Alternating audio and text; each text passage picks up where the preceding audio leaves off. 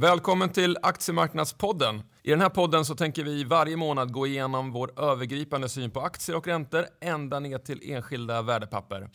Publikationen Aktiemarknadsnytt som den här podden bygger på hittar du som Nordea-kund i nätbanken. Jag heter Mattias Eriksson och är aktiestrateg på Nordea. Och idag har jag med mig två kollegor. Magnus Dagel. Magnus är aktiestrateg också här på Nordea och vi är även med oss Mikael Levin som är investeringsstrateg. Den här decemberpodden så ska vi försöka besvara en mängd olika frågor. Den viktigaste är nog vad vi tror om utsikterna för nästa år. Men innan vi går in på det vill jag passa på att påpeka att det vi diskuterar i den här podcasten ska ses som allmän information, inte individuellt anpassade råd. Och när du investerar så måste du ta hänsyn till just din personliga situation, bland annat din ekonomi, din riskvilja, din sparhorisont och dina kunskaper om placeringar. Så därför rekommenderar vi dig att alltid först konsultera din finansiella rådgivare. Så, nu kan vi börja med dagens eh, genomgång. Vi börjar med dig Micke, i din roll som investeringsstrateg. Vad ser du i spåkulan för 2016? Ja, den är, frågan kommer ju varje år och eh, jag har ju de senaste åren då försökt beställa en sån här kristallkula men den har inte kommit så den jag har är lite grumlig. Dock, eh, inför 2016 här så eh, ser vi väl att det finns förutsättningar att bland annat aktier kan fortsätta att prestera. Sen ska vi också komma ihåg att det har ju varit en resa nu några år här med fantastisk avkastning i både aktier och räntor. Så att en av eh, mina vad ska man säga, tips inför 2016 är att ställa ner förväntningarna lite. Men det betyder inte att, att det inte kommer bli någon avkastning alls. Men vilken fördelning mellan aktier och räntor är lämplig just nu tycker du? Eh, vi föredrar aktier i nuläget, så vi har en liten övervikt i aktier kontra räntor i vår investeringsstrategi. Och det tycker vi att i början här på 2016 så är det, är det någonting att följa. Vad, vad, kan du säga om vinstutvecklingen? Vad tror vi där inför, inför nästa år? Det ser betydligt bättre ut än vad det gjorde i år. Eh, förväntningarna var ju som vanligt höga. De grusades ganska så kraftigt av bland annat energisektorn och den starka dollarn. Det är två effekter som eh, av rena baseffekter kommer att försvinna ut ur siffrorna 2016. Dessutom så tuffar tillväxten på hyggligt. Så att ett resultat 2016 på globala aktier, alltså vinsttillväxten på någonstans runt 4, 5, 7 procent. Det är definitivt inte omöjligt. Nu har aktier gått väldigt bra under flera år. Hur ser värderingen ut? Är det högt eller lågt värderat? Eller? I absoluta tal, om man bara tar ett vanligt enkelt P tal så ligger det ungefär kring det historiska snittet om vi tar ett 25-årssnitt. Ligger något över ett 10-årssnitt. Men det, det är kanske inte där man ska titta för att det är inte en drivkraft i sig, den absoluta värderingen, utan det är snarare på den relativa sidan som aktier framstår som faktiskt ganska attraktiva. Och det beror ju på att ränteläget är så otroligt lågt. Så att bara utdelningarna är ju en 4, 5, 6 gånger vad man får till exempel på en 10-årig statsobligation idag. Så uh, attraktiv värdering sammantaget, förhoppning om lite högre vinster ska driva aktiemarknaden vidare uppåt? Ja, Va, vi måste prata lite risker också. Vilka, vilka är de stora riskerna att ha koll på? Det är väl de som eh, redan är så kallade kända risker och lite det som dominerade 2015. Det är ju framförallt då tillväxtutsikterna och då hamnar vi ja, förr eller senare i Kina. Kina är ju nyckeln i tillväxtmarknader och det är eh, en marknad som också kan faktiskt störa de, de eh, globala tillväxtutsikterna om det skulle gå illa där. Så mycket fokus på Kina. Sen geopolitiskt, det finns alltid en massa tokerier i världen. Och just nu så är det väl Mellanöstern som är väldigt på tapeten. Vi har också en del geopolitiska spänningar i Sydkinesiska sjön och så vidare. Vår erfarenhet är dock att den geopolitiska sidan eh, kanske inte påverkar marknaden så mycket som man tror. Sen är det lite politik också, men eh, ingenting som vi ser kan liksom avgörande störa. Det är den här EU-omröstningen i Storbritannien nästa år, det kan bli lite skakigt. Det amerikanska presidentvalet är inte sådär jättemycket att bry sig om. Det brukar inte påverka marknaden. Vilken region ska man vara överviktade i? Hur ser ni på? Inom aktier så ser vi eh, bäst förutsättningar i Europa. Det är en region som har varit lite, lite nedtryckt här och eh, nu börjar man komma tillbaka efter finanskrisen. Både tillväxtmässigt men framför allt förhoppningsvis vinstmässigt. Dessutom fullt stöd från ECB även om marknaden blev lite besviken igår just. Men eh, vi tycker att Europa är, är eh, stället att vara i åtminstone in i 2016. Vad bra, men eh, ska vi prata lite räntor också? Vad, vad, hur ska man ligga i, i räntebenet? Ja, eh, räntebenet är ju tyvärr eh, har vi ju lite utmaningar i och med att, att eh, räntorna är så låga och precis som eh, andra typer av tillgångar så krävs det att man tar risk. Och eh, som jag nämnde tidigare, en svensk statsobligation, en tioåring, den ger ungefär 0,8 procent. Det, det, är inte speciellt mycket. Och korta räntan är i princip noll, om inte då lite lätt minus. Så att eh, vi gillar krediter och har gjort det ett bra tag nu. Och eh, man behöver gå ut på risk, riskskalan lite grann för att få en ränta värd namnet. Därför rekommenderar vi då att man i sin portfölj har lite mer high yield, alltså överviktig high yield än normalt. Vi eh, gillar även amerikansk investment grade där man också får ungefär 3,5 kanske uppåt 4% i ränta. Och då börjar vi prata avkastningsnivåer som är lite mer rimliga då än vad man hittar bland annat i, i statsobligationer. Bra. Då går vi över och pratar lite svensk eh, aktiemarknad. Äntligen. Eh, äntligen. Vi har en bra period framför oss rent säsongsmässigt. Det är ju positivt. Men vad är det mer som talar för en, en fortsatt bra utveckling för, för Stockholmsbörsen? Just det, förutom säsongen. Eh, aktier är ju en eh, vintersport och mycket av avkastningen brukar komma traditionellt på, på vintermånaderna.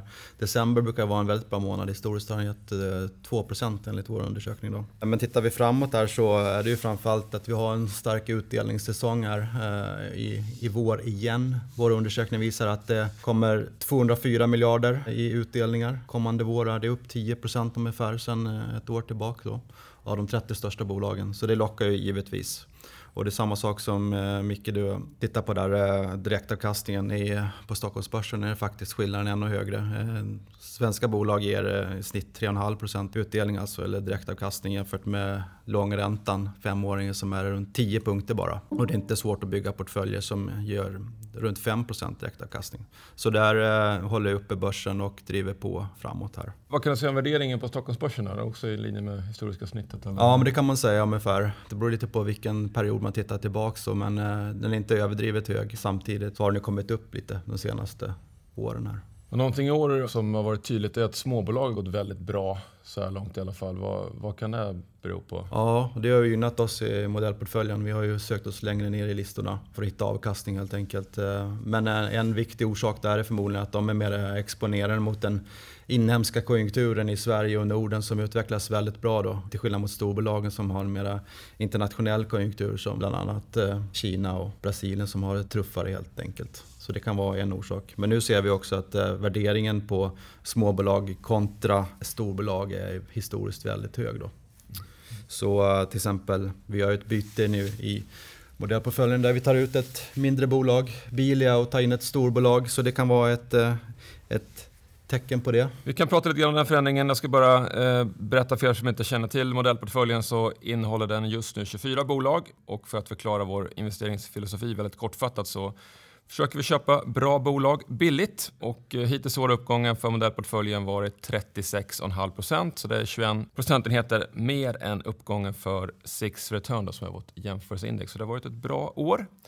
Eh, både absoluta tal och, och, relativt sett. Vi gör en förändring som, som Magnus sa där. Vi byter bilar mot, mot Volvo, personbilar mot, mot lastbilar. Anledningen kortfattat är att vi tror på ett vinstlyft nästa år tack vare en, en bättre europeisk marknad tillsammans då med Volvos egna besparingsåtgärder. Man har gjort mycket redan, men vi räknar med 3 miljarder ytterligare då i, i besparingar under nästa år. Och så tycker vi värderingen är låg. Aktien handlas eh, klart under sitt historiska värderingsgenomsnitt och med kraftig rabatt relativt andra verkstadsbolag. Det tycker vi är orättvist.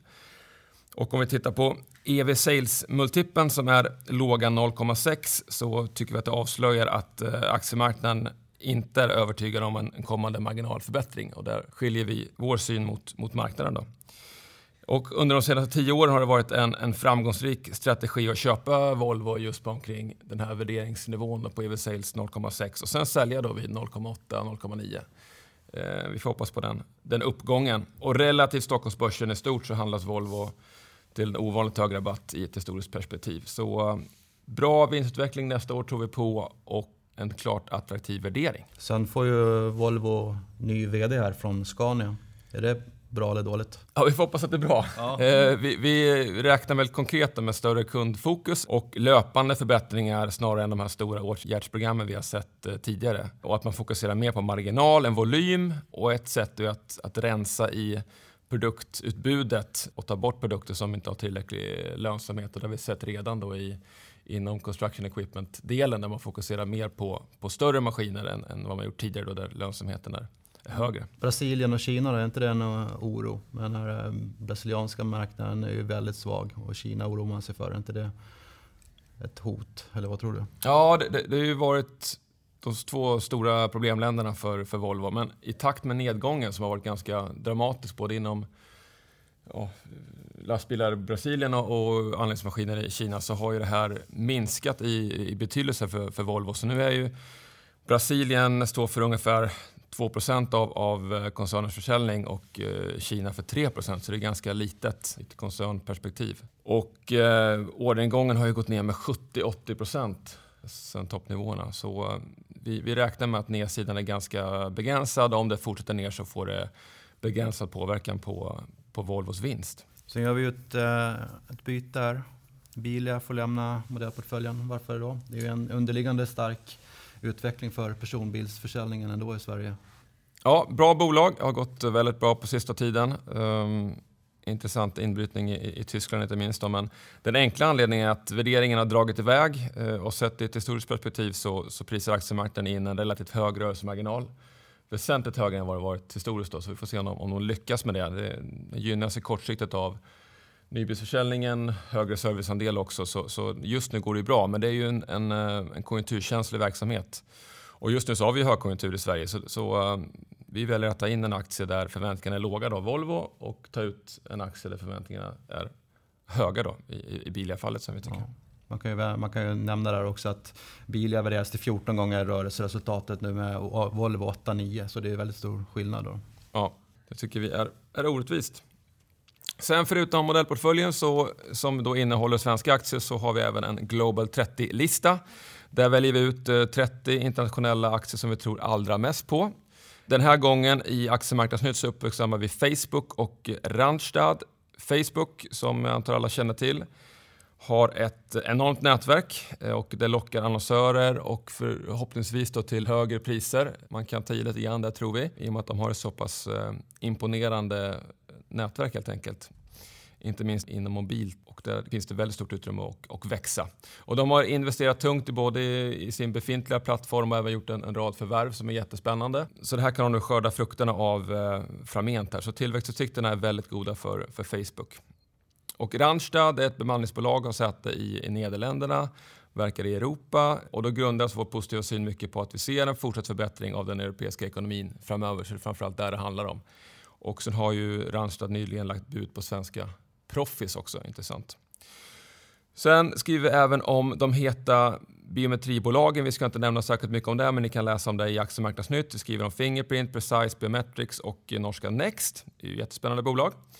Och sen skriver vi även om att det går att hitta avkastning på räntemarknaden. Det är ju spännande. Det avslutar vi med i, i Aktiemarknadsnytt. Nästa års Första aktiemarknadsnytt kommer i mitten av januari, så det kan ni se fram emot.